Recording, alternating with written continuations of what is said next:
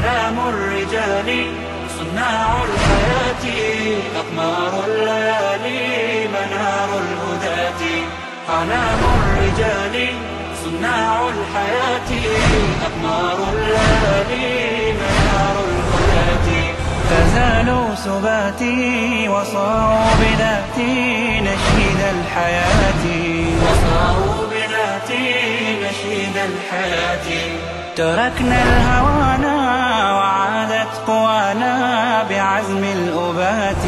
وعادت قوانا بعزم الأبات. آه يا من تسامى وخلى المنام. جرى العمر يمضي ورا من سراما. جرى العمر يمضي ورا بسم الله الرحمن الرحيم. إن الحمد لله نحمده ونستعينه ونستغفره ونعوذ بالله من شرور أنفسنا ومن سيئات أعمالنا من يهد الله فلا مضل له ومن يضلل فلا هادي له. أشهد أن لا إله إلا الله وأشهد أن محمدا عبده ورسوله.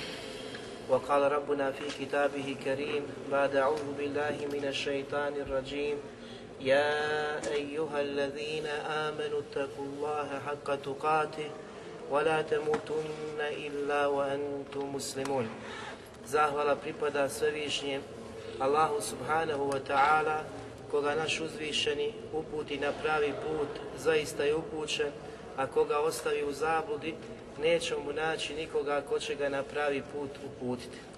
Svjedočim da nema drugog istinskog božanstva osim Allaha dželle i da je Muhammed alihi salatu wasalam posljednji Allahov poslanik poslan sa istinom. Uzvišeni plemeniti kazaju u svojoj plemenitoj knjizi o vjernici bojte se Allaha istinskom bogobojaznošću i ne umirite nikako drugačije osim kao muslimani. Zatim, assalamu alaikum wa rahmetullahi wa barakatuhu. Allahu subhanahu wa ta'ala zahvaljujemo što nas je poživio i sakupio na ovom bareć mjestu da nastavimo govoriti o njegovim veličanstvenim, lijepim imenima i savršenim značenjima isti. Večeras ćemo govoriti, draga braćo i cijene sestre, o jednom veličanstvenom Allahom te bareke ve ta'ala imenu, jako značajnom, također ime koje se spominje, spominje u hadisma poslanika sallallahu alihi vseleme, a posebno u dovama, u dovama poslanika Muhameda alihi salatu wasalam. Večerašnje ime je Dhul Jalali wal Ikram. Dhul Jalali wal Ikram. Postoji više značenja ovog veličanstvenog Allahovog Tebareke wa ta'ala imena. Prije svega u opisnom značenju gospodar uzvišenosti i plemenitosti. Znači svi vrsta uzvišenosti koji jedino dolikuju njemu, apsolutna uzvišenost koja pripada njemu Tebare Kevetara, također i plemenitost. Ili značenje posjednik ili vlasnik svakog visočanstva i darežljivosti. Odnosno, darežljivi i plemeniti. Uzvišeni i veličanstveni. Allah vala, kako god da pojasnimo, nećemo, nećemo pogriješiti u značenju navedenog velikog Allahovog te bareke vetala imena. Večerašnje ime koje spominjemo, Velid ibn Muslim, ravija koji je uspio sakupiti 99 Allahovi lijepih imena koje smo pojašnjavali, odnosno njegov rivajet smo pojašnjavali predaju, gdje smo kazali da je on taj koji je kao mučtehid pokušao da sakupi 99 Allahovi lijepih imena iz Kur'ana. I u tom rivajetu nalazi se ovo veličanstveno ime Dhul Jalali wal Ikram. Dok Abdul Melik, drugi ravija, nije znači naveo u svom rivajetu ovo veličanstveno Allahovo ime, a treći ravija Abdul Aziz također spominje ovo veličanstveno Allahovo ime kada je pobrojao, odnosno sakupio 99 Allahovi lijepih imena. Oni koji ne smatraju da je ovo veličanstveno Allahu te bareke vetala ime jedno od Allahovi lijepih imena, ali smatraju da je to od savršenih osobina Allaha dželevala, je Ibn Usaymi rahmetullah ali, Hafiz ibn Hajar, Ibn Hazm i drugi. Dok velika veličina, znači učenjaka, smatra i ubraja ovo veličanstveno Allahu te bareke vetala ime u imena Allaha dželevala, pa tako da oni koji su pisali na ovu temu, o i subhanahu wa ta'ala lijepim imenima ubrajaju i pobrajaju ovo veličanstveno ime jedno od Allahovi lijepih imena. Tako knjige koje su pokušali učenjaci sakupiti iz govora Ibn Kajima rahimahullah navode znači da je smatrao da je ovo jedno od Allahovi lijepih imena. Također Imam Kurtubi smatra da je ovo jedno od Allahovi lijepih imena. Ibn Vazir poseban znači učenjak koji je također poznat po svom dijelu Allahovim lijepim imenima i mnogi drugi i mnogi drugi učenjaci navode i smatraju i ubrajaju Dhul Jalali wal Ikram da je jedno od Allahovih lijepih imena. El Jalil ili kako smo govorili El Kerim ili Ekrem imaju sličnog značenja tako da oni koji budu htjeli više da saznaju o značenju veličanstvenog večerašnjeg imena neka se vrate na ime koje smo pojasnili El Kerim i El Ekrem, dva Allahova velika, velika imena. U arapskom dželil znači poštovan, cijenjen. Znači dželil u arapskom znači poštovan i cijenjen. Dželal ukazuje na uzvišenost, moć i snagu. Dželale, isto tako. Dželal, dželale na uzvišenost, na uzvišenost i veličanstvo. Zato se kaže sahibu ili sahibul dželale. U arapskom danas, znači puno ko prati arapske kanale, kada predstavljaju svoje mire, svoje kraljeve, koriste ovu riječ njegovo visočanstvo. Njegovo visočanstvo. Tako da vidimo da u arapskom ukazuje na veliko značenje veličanstva, uzvišenosti, moći, snage, koje, kada kažemo to značenja osnovnog, u svakom pogledu pripada Allahu, Allahu te bareke, te bareke ve ta'ala. Zađađi rahimahullah, kada pojašnjava Kerim, to smo govorili, to nam je jako poznato, Kerim, da ima značenje plemenit, darežljiv, velikodušan, drag, cijenjen i slična druga značenja u arapskom, u arapskom jeziku. Ovo Allahu veličanstveno ime se spominje samo na dva mjesta u Kur'anu. Samo na dva mjesta u Kur'anu i oba dva Allahu veličanstvena imena se spominju u suri u suri Ar-Rahman. Zašto? Pogledajte Ar-Rahman, mi smo pojašnjavali i vraćamo se, prepričat ćemo govor Ibn Kajma Rahmetullah Ali po pitanju ove sure i Allahovog velikog imena Rahman.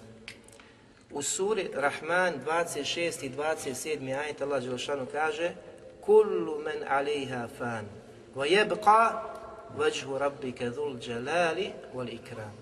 Sve što je na dunjalku prolazno je. Ostaje samo lice tvoga gospodara veličanstvenog i plemenitog. Veličanstvenog ili plemenitog i vidjet ćemo značenje, poslije ako voda kada budemo govorili o značenju ovog kuranskog ajeta. Šabi Rahimahullah, jedan veliki učenjaka, kaže nemoj nikada da učiš ajet kullu men aliha fan i da staneš, nego nastavi odmah nakon toga, nastavi odmah nakon toga wa yabqa wajhu rabbika dhul jalali wal ikram. A ostaje samo lice tvoga gospodara veličanstvenog i plemenitog da bi se u potpuno značenje ovog kuranskog ajeta, velikog ajeta. Kada kaže sve je prolazno i staneš. Nego nastavi, sve je prolazno, ali ostaje uzvišeni i plemeniti gospodar, a ovo ćemo pojasniti, وَيَبْقَى وَجْهُ رَبِّكِ i ostaje lice tvoga, lice tvoga gospodara u podovima večerašnjeg imena. Zatim u 78. majtu Allah Đelevala kaže Te bareke smo rabbika dil dželani wal ikram. I neka je uzvišeno, blagoslovljeno ime tvoga gospodara, veličanstvenog i plemenitog. I neka je blagoslovljeno ime tvoga gospodara, veličanstvenog i plemenitog. Ibn Kajim Rahmetullah Ali, kada je dokazivo da je jedno od najveličanstvenije Allahu imena ili najveličanstvenije Allahovo ime, najodabranije Allahovo ime, zbog onih hadisa koji ukazuju na na tu stvar, kaže da je to ime Rahman i onda pojašnjava i dokazuje surom Rahman. Allah dželevala na početku kaže šta? Ar-Rahman. Jel? I zatim navodi osobine milostivog, kako je milostiv u svom zatu prema svojim stvorenjima, svojim savršenim osobinama. I na kraju Allah dželevala kaže te bareke smo rabbik zil dželali velikran. I neka je blagoslovljeno ime. Koje je ime? Tvog gospodara veličanstvenog i plemenitog. Kaže Ibn Kajim Ar-Rahman. Jer je otpočeo suru sa imenom Ar-Rahman. I to ime neka je blagoslovljeno Allaha dželevala i to je jedan od dokaza i argumenta kojim on dokazuje, rahimehullah, da je najodabranije, najveličanstvenije, najveće Allahovo subhanahu wa ta'ala ime Al-Ismul Azam, upravo znači ime Rahman. Ovdje je došlo u kuranskom ajetu, odnosno došlo je Zul Dželali vel Ikram. Učenjaci kažu da je to, odnosno da to ukazuje na, da je on Tebare Kvetala Mustahik, elezi Jestahik, koji je jedini zaslužan da bude obožavan. Zul Dželali vel Ikram. Koji je jedini zaslužan da bude poštovan, cijenjen, slavljen. Da se on jedini veliča, on jedini te bareke ta'ala zbog ovog velikog opisa zaslužuje i ima potpuno, apsolutno pravo da propisuje šta hoće od propisa. Šta je halal, šta je haram. Da dozvoljava i da zabranjuje. Zbog ovog velikog Allahovog te bareke vetala imena, a upravo hu ukazuje na tu veliku, znači, odnosno veliko pravo Allaha te bareke, te bareke vetala. El Fera rahmetullah alejh kaže za kuranski ajet وَيَبْقَا وَجْهُ رَبِّكَ ذُو الْجَلَالِ وَالْإِكْرَامِ i drugi ajeti sure Rahman da učenjaci ukazuju da je ovaj opis Dhul Dželali vel Ikram ima dva načina čitanja, dva kirajeta. Jedan kirajet po tom kirajetu vraća se na opis Allaha subhanahu, subhanahu wa ta'ala. Da je on subhanahu wa ta'ala ostaje jedino lice tvoga gospodara veličanstvenog i plemenitog. I drugi e, kirajet ukazuje da je to opis veličanstvenog Allahovog subhanahu wa ta'ala lica. وَيَبْقَى وَجْهُ رَبِّكَ ذُو الْجَلَالِ وَالْإِكْرَامِ I ostaće jedino lice tvoga gospodara veličanstveno i plemenito veličanstveno i plemenito. I ovo je jako bitno, znači da su oba dva načina ispravna i kada se prevodi, i kada se prevodi, i, i kada se znači pojašnjava i kada iskazujemo i govorimo o ovom kuranskom ajetu. Zulšađ Rahmetullah Ali kaže Zul Dželal da ima značenje onaj koji zaslužuje da se istinski poštuje. Da se istinski poštuje, veliča i slavi. Niko znači nije zaslužan kao naš uzvišeni Allah dželle vala zul dželali vel ikram. To je nešto što je veličanstveno. Opis koji nema granica, kao kažu učenjaci. Zul dželali vel ikram, nešto što se ne može pojmiti, ne može se shvatiti koliko je to njegovo pravo da se veliča, da se slavi, on kao takav koji je opisan tim veličanstvenim, veličanstvenim osobinama savršenim. Ibn Kesir Rahmetullah Ali kaže, on zavređuje da bude poštovan, veličan, da prema njemu ne griješimo, da njega obožavamo, da njega cijenimo, da njega poštujemo, da mu nismo nepokorni. To je pravo Allaha subhanahu, subhanahu wa ta'ala kod stvorenja. Da ga obožavamo, da ga poštujemo, da ga veličamo, da ga cijenimo, da izvršamo sve što je naredio i da se klonimo svega onoga što je on te bareke vetala zabranio, zabranio od zabrana u Kur'anu i sunetu poslanika sallallahu alihi wasallam. Sadi Rahmetullah Ali kaže, Dhul Dželali Velikram je ovo jedno od lijepog značenja na koje ukazuje. Kaže, onaj kome pripada istinska veličina i moć i sve počast. I sve počast. Nakon toga kaže, on je posjednik svake milosti, plemenitosti, dareživosti, opšteg i posebnog ihsana, dobročinstva prema svojim odabranim iskrenim evlijama opšteg i posebnog ihsana, dobročinstva, kako naši kažu, i črama, prema kome? Prema, prema svojim iskrenim, pravim vjernicima, evlijama, evlijama. Zašto? Jer su oni, kaže, ti koji ga slave, koji ga veličaju, koji ga vole, poštuju i cijene. Razumijete? I zato e, ikram u arapskom je daleko znači obsežnijeg, sveobuhvatnijeg značenja od in'am.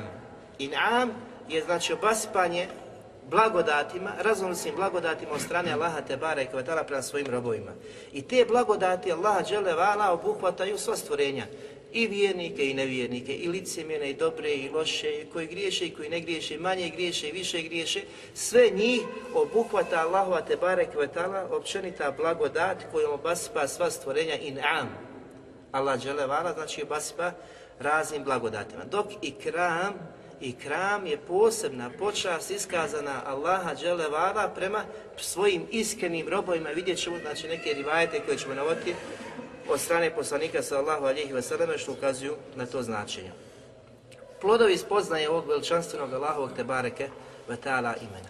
Prije svega, znači ovaj opis koji smo naveli, Zul dželali vol ikram, da je on veličanstveni, plemeniti, Allah dželle koji zaslužuje svaku vrstu ibadeta, je zaslužan da mu robujemo, da ga cijenimo, da ga poštujemo, da od njega molimo da se e, njegovim fadiletima, dobroti, blagostanju, beričetu nadamo. Ni od kog drugog da ne tražimo, osim njega te bareke, te bareke ve ta'ala. Jer nakon ovih opisa koji ukazuju na savršenstvo njegovih osobina, on subhanahu wa ta'ala je opisan tim apsolutnim savršenstvom, ukazuje da on jedini zaslužuje da mu ibadet činiš, da njega moliš, da od njega tražiš, kad je on zul dželali vel ikram. Nešto što je neopisivo po pitanju njegove veličine, uzvišenosti, njegove dobrote, njegove plemenitosti prema, prema stvorenjima. Tako da kada znaš i kada si shvatio, ovo značenje nećeš tražiti i neće se nadati kod nekoga čija su vrata zatvorena, nego će se obratiti onome čija su vrata i danju i noću otvorena, od koga ćeš tražiti, a on i danju i noću udjeljuje, a da se od njegovih riznica ništa, ništa ne umanjuje. Zato poslanik sallahu alihi wasallam je učio dovu i na ruku i na seždi. A dova je, znači, vjerodostojna. Kaže poslanik sallahu alihi wasallam, odnosno od ove koji je učio, Subhane zil džabaruti, wal melekuti, wal kibrijai, wal azame. Kaže poslanik, slavljen je onaj kojem pripada, znači taj gospodar kojem pripada svaka slava, svaka moć, svaka vrsta ponosa, je izzata. Zašto? Pogledajte, taj koji posjeduje apsolutnu moć i snagu i veličinu i ponos, takav se slavi, takav se veliča, takvom uh, robujemo, prema takvom smo ponizni, od takvog tražimo. Onaj koji ima moć i vlast, taj ti u stanju pomoći, taj ti u stanju dati. Razumijete, onaj koji je milostiv prema stvorenjima također je taj koji će se smilovati, smilovati prema, prema svojim stvorenjima. Zatim sljedeći plod spoznaje veličanstvenog imena, da je uzvišeni Allah ala plemeniti, darežljivi, opisan veličanstvenim, veličanstvenim opisima, da je on prema drugima, prema stvorenjima plemenit da ih im udjeljuje, da ih im daje, da, da, da prema, prema, svojim, prema svojim stvorenjima. I on na mnogim mjestima, Allah vala u svojoj plemenitoj knjizi ukazuje na ta svojstva, da je on taj koji daje, da je on taj koji uskraćuje i da se od njega nadamo i od njega išćemo, odnosno da od njega tražimo, da od njega tražimo i da smo zahvalni na svim tim blagodatima koje mi uživamo u našem svakodnevnom, svakodnevnom životu. Allah vala kaže u suri Ibrahim u 34. ajetu وَآتَاكُمْ مِنْ كُلِّ مَا سَأَلْتُمُوهُ I on žele vala vam daje sve ono što tražite od njega. Sve što tražiš od Allaha žele vala, on ti daje. On te bareke ve ta'ala. Zatim kaže وَإِن تَعُدُّ نِعْمَةَ اللَّهِ لَا تُحْسُوهَا I kada biste pokušali Allahove blagodat da pobrojite, nikada ne biste bili u stanju da ih pobrojite. Znači, toliki je broj Allahovi blagodati da je nemoguće ih pobrojati. Učinjaci kažu nije moguće ni vrste blagodati pobrojati. Li pojedinačne blagodati kojima te uzvišeni Allah džele vala obasipa danonoćom. Međutim, opisuje insana pa kaže innal insana la zalumun kefar. Ali je čovjek insan takav da nepravdu čini i da je nezahvalan. Nepravdu čini i da je nezahvalan. Ne zahvaljuje na tim blagodatima, nije svjestan blagodati. Zbog ove činjenice da su ljudi zaboravni, da su u gafletu, u nemaru prema Allahovim dželevala, blagodatima koje su tako jasne i vidljive, Allah Đelešanu ukazuje, ukazuje i upozorava čovječanstvo. Pa kaže Allah dželevala u suri Fatir, trećem ajetu, Ja ejuhan nasu zkuru ni'mata Allahi alaikum. O ljudi, sjetite se Allahovi blagodati prema vama. Sjeti se Allahovi blagodati, zastani, promisli, razmisli o svemu tome što uživaš. Zašto? Kaže Allah dželevala nakon toga. Hel min halikin gajrullahi jerzukukum minas semai val ard. Da li postoji drugi stvoritelj? Pored Allaha dželevala koji će vas obskrbiti iz nebesa i zemlje. Ne postoji. Kaže Allah dželešan, la ilaha illahu. I nema drugog istinskog Boga da je u stanju to učiniti što Allah dželevala čini. Stvara vas, i daje vam obskrbu. Sjeti se ti blagodati koji te Allah Đelešanu daje. Nakon svih ti riječi Allah Đelešanu kaže فَأَنَّا تُكْفَكُونَ Pa kuda se nakon svih ti jasnih činjenica odmećete? Zašto ste nehajni u gafletu i zaboravu i niste svjesni svega toga što vam Allah Đelevala ukazuje? Traži Allah Đelevala od nas da smo svjesni svih tih blagodati koji On Subhanahu wa ta'ala nam, nam dariva. Zatim sljedeći plod spoznaje ovog veličanstvenog imena jeste, draga braćo, da ehli sunne vel džema, i ovo je nešto što je veliko večera što se govori. Jedan od najznačajnijih stvari, a to je da ehli sunne vel džema utvrđuje i potvrđuje svojstvo Allaha dželevala da naš uzvišeni gospodar ima, ima lice da ima lice, zbog navedeni ajeta koje smo citirali. Znači, Allah dželevala se opisao svojstvom i osobin, osobinom lica i mi kao pripadnici ehli sunneta potvrđujemo i utvrđujemo Allahu dželevala tu osobinu onako kako to njemu dolikuje, njegove veličanstvenosti, uzvišenosti. Ta osobina nije poput osobina stvorenja. Mi ne poznajemo tu osobinu, niti znamo njenu kakvoću, ali čvrsto vjerujemo u ovo čime, u, čime nas je bavijesti uzvišen Allah Đelevala, njegov poslanik, sallallahu alihi wasallam. Allah Đelešanu u suri Rahman, kako smo kazali, kullu men aliha fan wa jebqa veđhu rabbika zul dželali velikram. Sve što je na zemlji prolazno je, a ostaje lice tvoga gospodara, lice tvoga gospodara veličanstvenog ili plemenitog ili lice tvoga gospodara veličanstveno i plemenito. To je najjači dokaz da Allah Đelevala je opisan e, osobinu, znači posjedi osobinu lica veličanstveno, koje je veličanstveno i plemenito.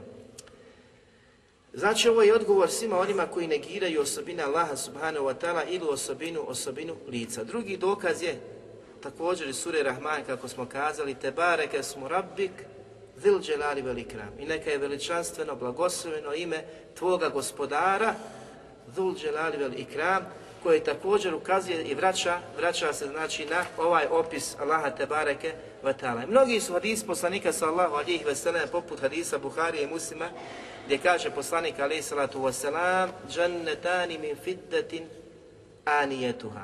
Dva dženneta koja postoje, kaže Allah, poslanik sallahu alihi veseleme, njeno posuđe u tom džennetu, u tim džennetima je od zlata i sve ostalo. Zatim nakon toga kaže وَجَنَّتَانِ مِنْ ذَهَبٍ آنِيَتُهُمَا وَمَا فِيهِمَا Također, druga dva dženeta su od srebra, ono što je od posuđa o njima i sve ostalo.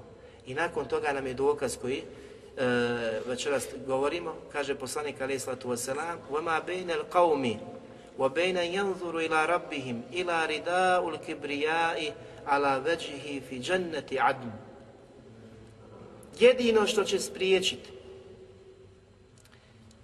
stvorenje da gledaju svoga gospodara veličanstvenog je ogrtač veličanstvenosti koji na njegovom, na njegovom plemenitom, plemenitom licu u džennetu Adnu. Znači to je jedino što će biti prepreka da gledamo u lice veličanstvenog Allaha Tebare Kvetana je ogrtač plemenitosti na licu Allaha Tebare Tebare Kvetana. A kada Allah Đelevala naredi da se taj zastor ukloni, tada će vjernici moći vidjeti Allaha subhanahu wa ta'ala, odnosno gledat će u lice, u lice veličanstvenog Allaha subhanahu wa ta'ala. Zatim kaže poslanik sallahu alihi vseleme u hadisu koji prenosi Nesa ibn Hibban Šeha Albani kaže da je vjerodostojan, kaže poslanik ladzata nazari ila vajhik wa shauqa ila likaik i tražim od tebe i molim te za slast gledanja u tvoje lice i za žudnjom sa susretom s tobom. I da žudim za susretom s tobom. Šta kaže poslanik alaihi salatu wasalam? I tražim od tebe slast gledanja u tvoje veličanstveno, veličanstveno uzvišeno lice. Što vidimo da je poslanik alaihi salatu wasalam žudio, žudio za gledanjem u Allaha te bareke i njegovo veličanstveno lice. Mi molimo Allaha dželle vala da nas uči od onih koji će biti toga dana s licima koja će biti ozarena svijetla, gledati Allaha subhanahu subhanahu wa ta'ala, koji će biti počašćeni i nakon toga neće više biti uskraćeni, nego će nakon toga gledati, gledati u dženetu kako poslanik sallallahu alihi vseleme nagovijest da će vjernici vidjeti Allaha dželevala i na kijametu, na sudnjem danu, danu proživljenja, u danju stajanja i da će gledati Allaha dželevala kada? Kada uđu u džennet i tako će biti različite nagrade stavnika dženeta. Jedan najveći nagrada, kako kažu učenjaci, je da će vjernik biti počašen od strane Allaha, znači na velikim deređama, počašen od strane Allaha subhanahu wa ta'ala da gleda dva puta, dva puta Allaha subhanahu wa ta'ala dnevno. Dva puta, znači da gleda Allaha dnevno, ujutro, ujutro i navečer. Zatim poslanik sallahu alihi wasallam je postakao ummet da uče i izgovaraju dovu u kojoj se spominje ovo veličanstveno Allahovo te bareke wa ta'ala ime. Kaže poslanik, odnosno an Rabijata ibn Amir, od Rabija ibn Amira se prenosi da je poslanik alaih sallatu wasalam rekao Alizu bi ja del dželali vel ikram. Često i mnogo učite i spominjite ja del dželali vel ikram. I hadis vjerodostojan. Znači da često i mnogo učimo ja del dželali vel ikram. I znamo da postoje učenjaci koji smatraju da je ovo jedno od najveliča, da je e, jedan govor od učenjaka da je upravo ovo ime jedno, znači od imena koji se spominje od strane učenjaka od što ukazuje da je najveličanstvenije i najodabranije i najveće Allahove te bareke ve ta'ala ime. Zatim, od plodova spoznaje ovog veličanstvenog imena, kažu učenjaci, je sebeb i uzrok, uzrok jedan veliki, a to je ljubav u ime Allaha te bareke ve ta'ala. Svaki čovjek kada voli nekoga i zavoli nekoga u ime Allaha, ali ovdje u ovom e, hadisu ukazuje nešto drugo. Kaže, ljubav u ime Allaha, u ime Allahovog veličanstva i džlala. Da voliš nekoga radi Allahovog i džlala, će biti sebeb da ćeš biti na sudnjem danu u hladu, znači Allaha dželle vala kada drugog hlada neće biti osim, osim njegovog. Znači da voliš nekoga u ime Allaha Đelešanu, odnosno da voliš nekoga radi Allahovog veličanstva ili u ime Allahovog veličanstva, njegove uzvišenosti, da će biti sebe, da će te Allah na teškom i strašnom danu, u danu velikih strahota, sačuvati i pošteti svega toga i staviti u hlad kada drugog hlada neće biti, kada se sunce spusti iznad glava ljudi, kada budu velike tegobe, kada bude mučan dan, kada ljudi budu plivali u svom sobstvenom znoju, kako je došlo u predajama, neki će do članaka, neki do koljena, neki do pasa, neki do ramena, neki do usta, neki će da se potapaju u svom sobstvenom znoju pa će isplivavati na površinu. E pogledajte, znači toliko težak dan, tegoban dan, velika vrućina, velika temperatura, ljudi tog dana će biti u hladu, neke kategorije će biti u hladu. Jedna od kategorija jeste da voliš insana, da voliš čovjeka muslimana zbog Allahove uzvišenosti, njegovog veličanstva. Allaha te bareke, te bareke ve ta'ala. Kaže poslanik sallallahu alihi wasallam, je kulu Allahu te ve ta'ala qiyame. Allah dželle vala će na sudnjem danu kazati Ajne mutahabune fi džalali. Gdje su oni koji su se voljeli radi moje veličanstvenosti? Danas, znači, koliko nas ima vjernih, koliko ko koga voli, odnosno koliko je ko kome iskazao da ga voli u ime Allaha Đelevala. A na sudnjem danu Allah Đelešanu će tražiti i pitati gdje su oni koji se voljeli radi moje veličanstvenosti. Nakon toga kaže el jeume uzilluhum fi zilli jeume la zille illa zilli. Danas ću ih staviti u hlad svoj, u danu kada nema drugog hlada osim, osim mog hlada. I ovaj hadis je vjerodostojan, bilježi ga imam Ahmed, imam Darimi, Ibn Hibban, Bejheki. Zatim kaže poslanik alaih salatu wasalam, Ma ahabba abdun abda lillahi ila ekreme rabbehu azza wa Nikada neće čovjek zavoljeti drugog čovjeka. Abd nikad neće zavoljeti drugog abda, stvorenje insan insana, a da Allah dželle vala, odnosno da tim postupkom neće veličati Allaha. Tim postupkom veličaš i slaviš Allaha dželle, dželle vala. Zatim sljedeći rivajet kaže poslanik sallallahu alihi wasallame Al mutahabune fi dželali. Ovo nam je dokaz i plod spoznaje uzvišenog Allaha dželle vala zbog dželali velikram. Kaže poslanik El mutahabune fi dželali Oni koji se budu voljeli radi moje veličanstvenosti. Gdje će biti na sudnjem danu? Kaže poslanik sallallahu menabiru min nurin Jakbituhum ennebijune wa. Oni će biti na mimberima svjetlosti. Gdje će im pozavidjeti na tim deređama i vjerovjesnici i šehide. I vjerovjesnici i šehide. Zamislite te vrijednosti, da voliš svoga brata, sestru, nije bitno sve muslimane i muslimanke, radi Allaha i u ime Allaha džele vala i radi njegovog veličanstva. Da voliš, pogledajte znači to znači zul dželari velikram. Koliko je to veliko koliko je to krupno, koliko je to neopisivo i koliko sve ima plodova koji proizilaze iz poznaje velikog Allahovog Tebareke, Tebareke Vetala imena. Ova hadis bilježi imam Tirmizi, Ahmed Ebu Davuda, šeh Albani kaže da je, da je vjerodostojan. Zatim drugi hadis koji je također velik, Kaže poslanik sallallahu alihi wasallam, kala Rasulullahi sallallahu alihi wasallam, ma ahabba abdun abdan fi Allahi azza wa jala illa ekremahu Allah neće nikada čovjek ili insan ili rob zavoliti stvorenje roba, abda insana, a da ga Allah vala neće počastiti, odnosno da mu Allah vala neće ukazati posebne počasti. Ovdje je kremehullah, Allah vala će iskazati prema takvom robu posebne počasti. Zato kažemo ovaj ikram i čram je za vjernike od strane Allaha subhanahu, subhanahu wa ta'ala. Zatim kaže poslanik sallallahu alejhi inna min ikrami Allahi ikramu zi šejbetil muslim. Od respekta i veličanja Allaha žele vala da poštuješ i cijeniš starca koji je osjedio. Sjedog starca da poštuješ, da ga cijeniš. I to je od veličanja i slavljenja Allaha te bareke. Pogledajte, naš Islam uči čemu nas podučava. Da cijeniš i poštuje stari osob, posebno znači starca koji je osjedio dinu islamu, da si prema njemu poseban, i to je pokazatelj da veličaš i slaviš Allaha dželevala, a ne da vrijeđaš dede, starije ljude, da se ponaša da ti neko i nešto, a da su oni, znači, da nema nikakve vrijednosti kao što danas se dešava u mnogim džamijama i na mnogim mjestima, kada oni koji su tolike godine provodili Allahu dželevala na sežu, oni su provodili, alhamdulillah, naučili su što su naučili, što su bili u stanju da nauči.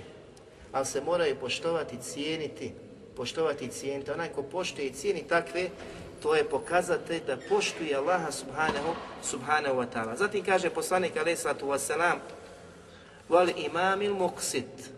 Također od, od respekta prema Allahu i veličanja Allaha džele vala, da poštuješ i cijeniš pravednog vođu, pravednog imama, koji predstavlja muslimane, da ga poštuješ i cijeniš. Zatim kaže poslanik alaih sallatu wasalam, وَحَامِلُ الْقُرْآنِ غَيْرِ الْغَالِ فِي wala džafi, wala mustaksirim bi. I da poštuješ svakog hafiza Kur'ana, da ga cijeniš. Da ne kažeš hafiz, šta je on učio, kako je učio, Bog sam mi zna. Vidi ga kako izgleda, šta radi. Da poštuješ hafiza, koji nosi Allahu te baretke vatala knjigu svojim prsima. Koji ne pretjeruje, kaže poslanik sa Allahu alihi wasallam. Znači, taj hafiz ne pretjeruje niti taj Kur'an zapostavlja. Niti taj Kur'an zapostavlja. Na to nam ukazuje poslanik Allahu alijih veseleme, da onaj koji zaista želi da veliča i slavi Allaha dželevala, pokazatelj toga jeste da cijeni i poštuje starca koji je osjedio, zatim da poštuje cijeni pravednog imama, vladara i da poštuje uh, hafiza Kur'ana da ga poštuje, da prema njemu se posebno ponaša. Da Hafiz Kur'an nije poput nas ostali ljudi. Razumijete? Tako da moramo to iskazivati, to je kod vas poznaje ovog veličanstvenog imena Dul Dželali Velikram.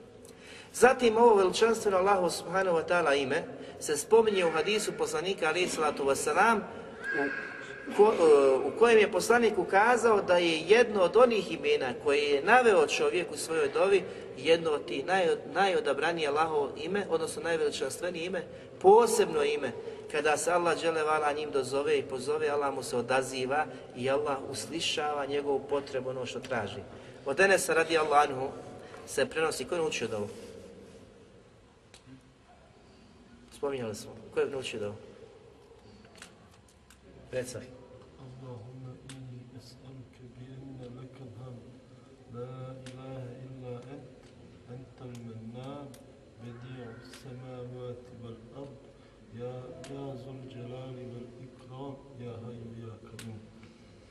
Ovo je revajet koji smo navodili. Večeras je revajet u malo posebno, znači za nijansu e, ima razlike, a to je El Hanan El Menan.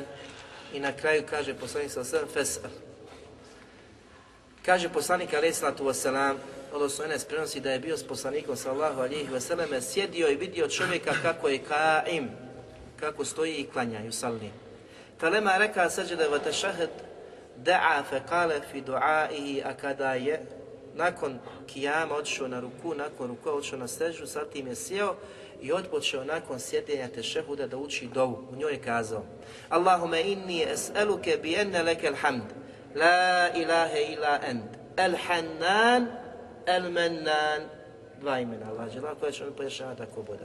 Bedi'u samavati ard, Ja zel dželali vel ikram, nije ja zul dželali, ja zel dželali vel ikram, ja haju ja kajum, i zatim kaže Allahumme inni es'eluk.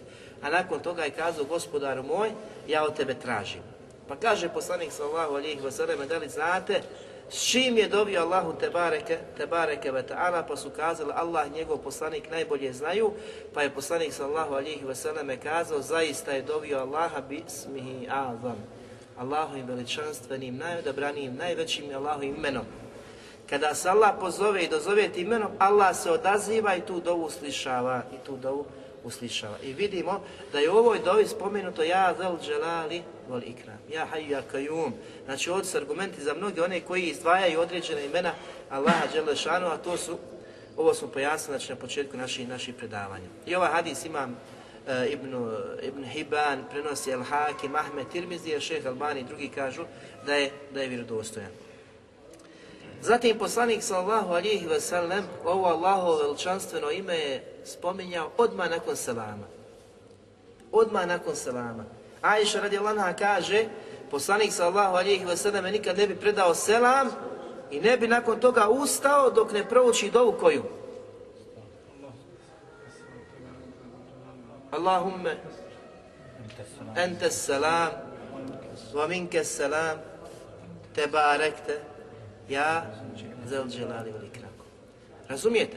Pogledajte, znači, poslanik sallahu alijih veselam nakon selama nikada ne bi ustao da ode, ovo Ajš radijalana ukazuje i pojašnjava poslanik sa sami klanjao mnoge sunete, mnoge nafile u kući Ajše radijalana, a u mešidu kada je klanjao fard, sjedio bi dok ne bi završio potpuni zikr, pa bi ustao. Razumijete, to su razlike. Znači, šta god da klanjaš, neš usta dok ne proučiš ovu dovu što je radio poslanik sallahu alihi vseleme.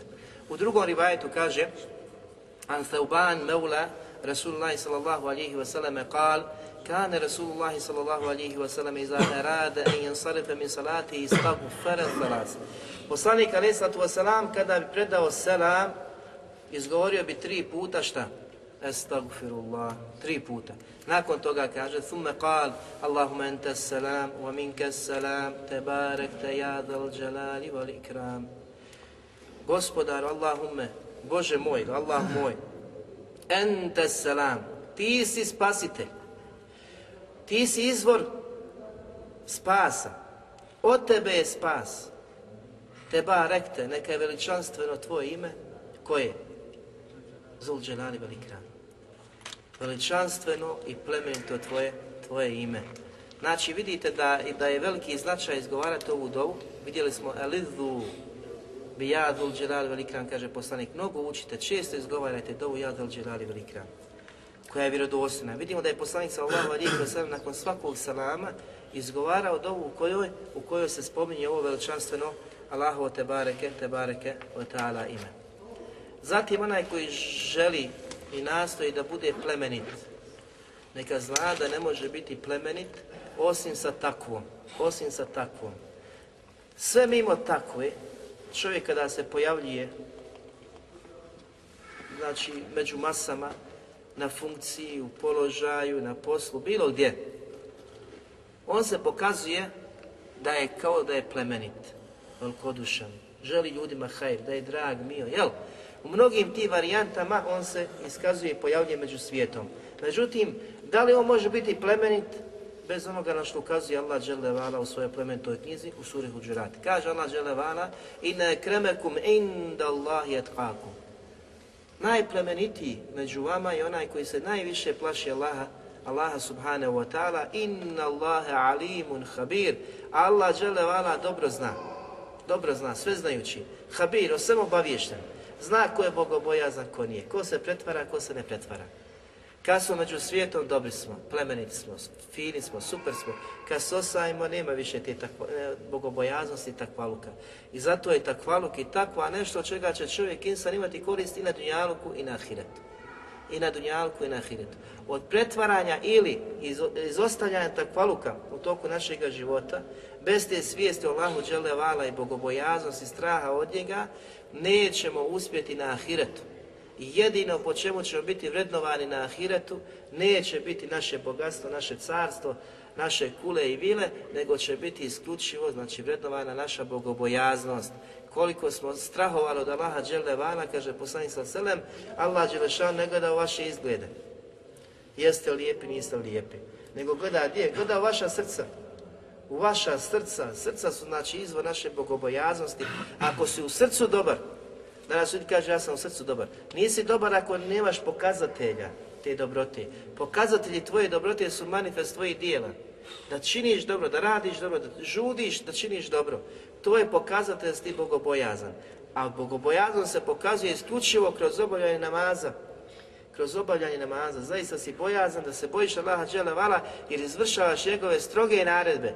A od glavnih naredbi nakon šehadeta i potvrđivanja da Allahu dželevala pripada i uluhijet i rububijet jeste potvrđivanje svega toga tih riječi dijelima, prije svega znači namazom. namazom.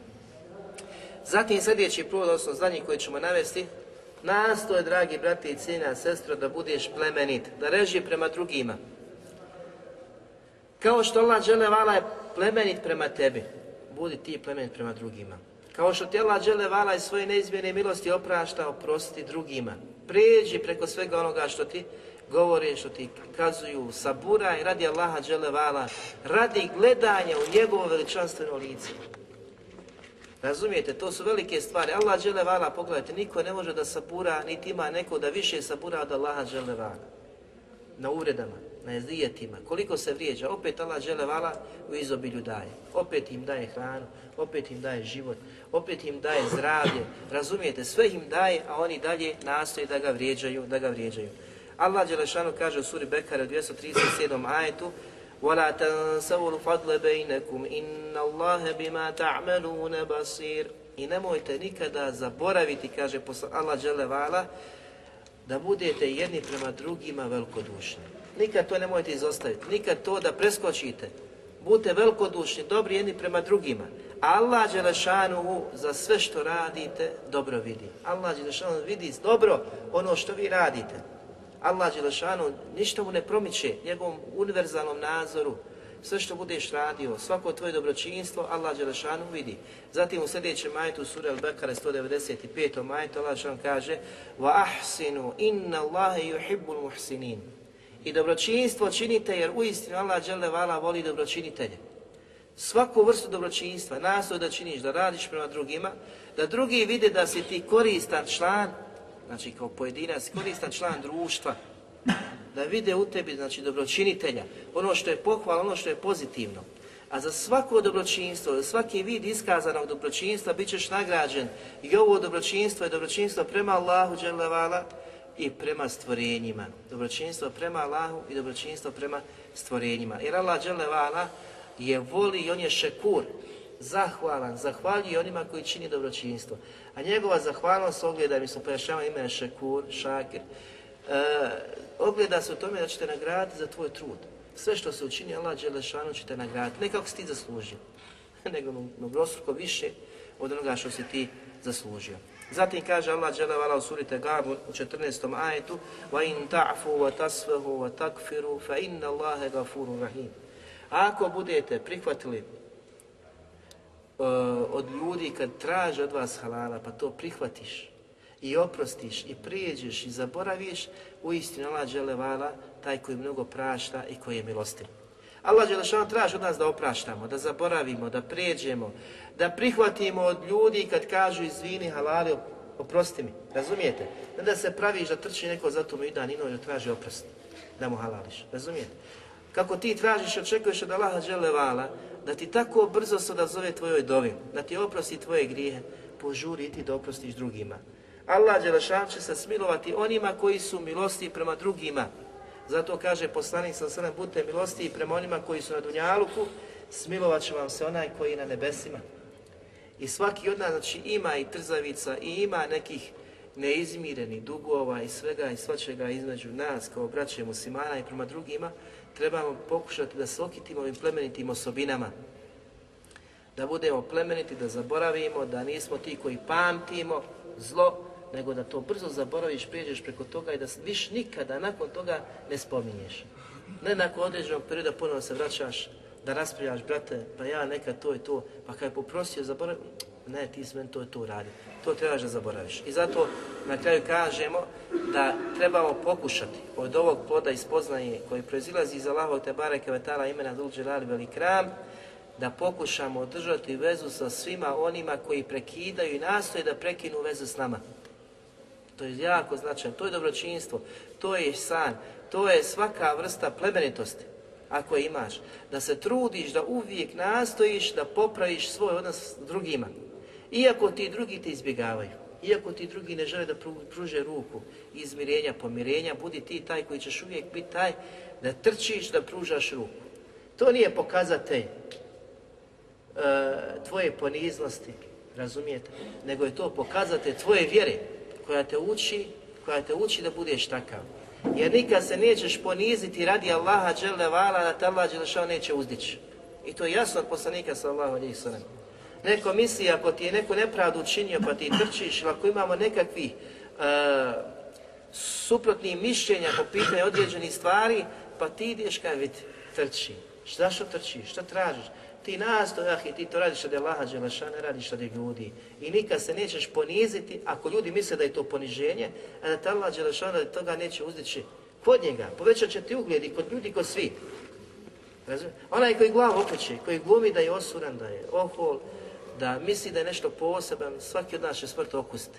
I svi ćemo se Allahu Đelevala vratiti, i svi ćemo biti proživljeni, i svi ćemo biti pitani. Pa znači ćeš biti zadovoljan da budeš pitan za ove stvari koje si danas mogu znači da prevaziđeš, preskočiš, da nemaš udjela u pogoršanju situacije i da nisi od onih koji vatru dodaju ulje na vatru još čini znači vatru žešćom i jačom, nego budu od onih koji će vatru, koji će vatru gasti. Zatim, pokušaju dijeliti svima onima koji neće tebi da udijeli. Danas znači i hedije i sve slično što mi radimo, imamo situaciju i mogućnost da uradimo, pa kaže da će onome, on je meni dao, pripaz, zna. Ne, nego daj onom ko tebi ne daje, ko je tebe zaboravio, ko je tebe zaobišao. Pokušaj, jer udjeljivanjem hedija se srca zbližuju, srca se ujedinjuju, naši safovi se zbližavaju, safovi su jači čvrši, razumijete? I to je ono što e, zaista mrze i preziru neprijatelji Islama da vide kod nas. Znači, oni ne vole da vide zajedničke safove, da vide ujedinjene safove, da vide da smo mi skupa, da smo mi poput jednog tijela, jedne ruke. Razumijete? I njima je to teško. I zato ubacuju mržnju i razdor i pokušavaju svakodnevno da ubacuju fitnu među muslimane i iskušenja. A mi treba da radimo, da tu fitnu gasimo, da naša srca zbližavamo, da budemo jači. A jedan od načina toga, dragi brate, znači da zaboraviš, preskočiš, onaj koji te izbjegava, ti njega obiđi, posjeti, zjareti, onaj koji ti ne udjeljuje, ti, ti njemu udjelji. Zatim, sljedeća stvar jeste oprosti. Oprosti takvom, iako on tebi neće da oprosti. Ja tebi nisam halalio, ma ja tebi jesam halalio, brate. Išao. Zato što si njemu halalio, kod Allaha je nešto veliko. Razumijete? I Allah žele vala zbog toga te može ispasti džehennem. Ne znaš ti koje će djelo na ahiretu da prevagne. Biće puno muahida. Ljudi koji danas kažu da su muslimani, prije ljudi sa tako velikim djelima, se nisu toliko ponosili, uzizali za drugi. Sa tolikom, znači, dijela koja su tako nemoguće dostići. Ne znaš, kad čitaš biografiju ashaba, tabina, tabi, tabina, to kažeš to je nešto nemoguće dostići, razumijete? Ti ljudi se nisu tako isticali, nisu se falili, razumijete, to je samo dopadljivost koja je pokuđena i zabranjena. Nama kao muslimanima. Nisu se tako, znači, oholi uz... A kad pogledamo danas nas miskine, sad čim se mi oholimo, mi se uzđemo samo s jednom riječju. Mi smo, mi smo. Mi smo najbolje shvatili, mi smo najbolje razumijeli. Kad pogledamo naša djela, nije mahim. A oni koji su imali toliko dobrih dijela, plašili su se da im Allah dželevala nije ukabulio ta dijela a bili su iskreni, bili su borci Allahom te barek i putu i riječima i dijelima i davali su, zalagali svoj život i svoj metak na Allahom te barek i putu i nakon toga nećeš naći ovo što nađeš danas u našim skupovima, našim sjelima su mi, mi, mi, mi i niko ko mi. Razumijete?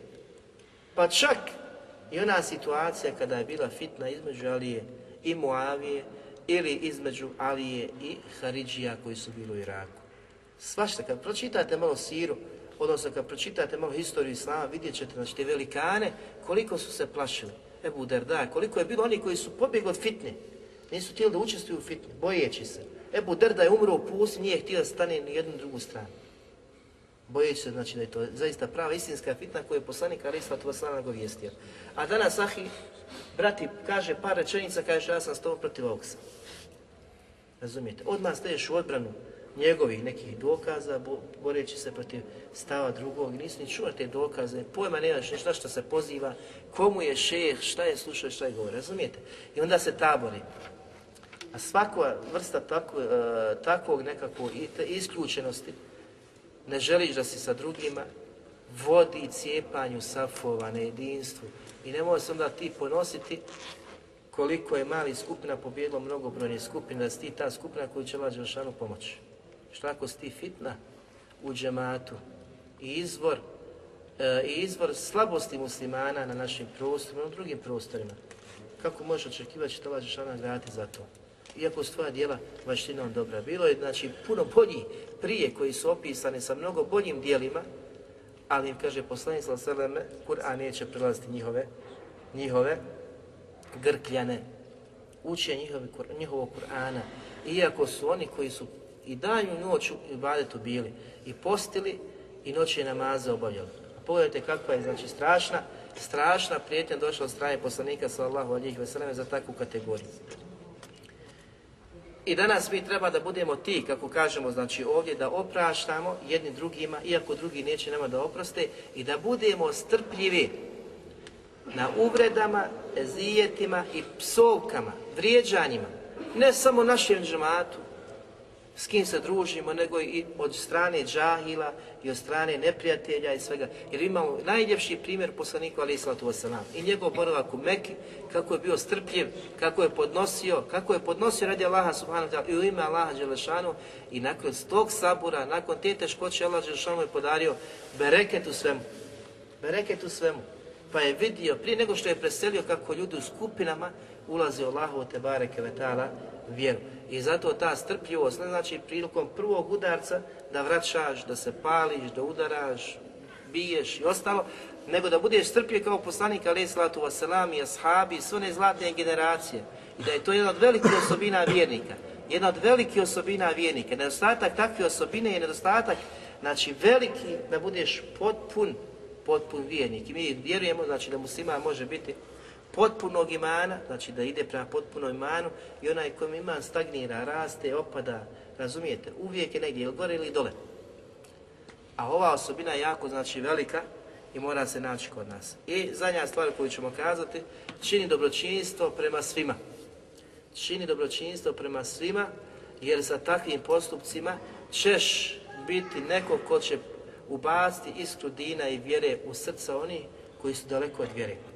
Znači svojim postupcima, svojim dobročinstvom ćeš prouzrokovati da se mnogi vrate vjeri, da se mnogi vrate dinu, jer su ti postupci koje ljudi vole, cijene i poštuju, a posebno kad su proizašli od strane vjernika, mu'mina, Allaha, te bareke, ta'ala. Molim Allah, džele da nam podari ove pozitivne i lijepe osobine, osobine sa kojima je on te bareke vetala zadovoljan, da nas poštedi i sačuva osobina sa kojima on te bareke vetala nije zadovoljan, da pomogne nas u Bosni, da naša srca ujedini, naše safove zbije, da nas učini istinski i pravih vjernika, sedbenika Muhammeda alihi salatu wasalam, da nas poživi i usmrti na riječima la ilaha illallah i da nas izvede sa ovoga dunjavka, da je on te barek vetala zadovoljan s nama, da oprosti nama našim vrtovima svim muslimanima i da pomogne svu braću muslimane u cijelome svijetu. Subhanak Allahumma hamdika, ashhadu an la ilaha illa ant, estagfiruka wa atubu ilayk, wa jazakumullahu khair.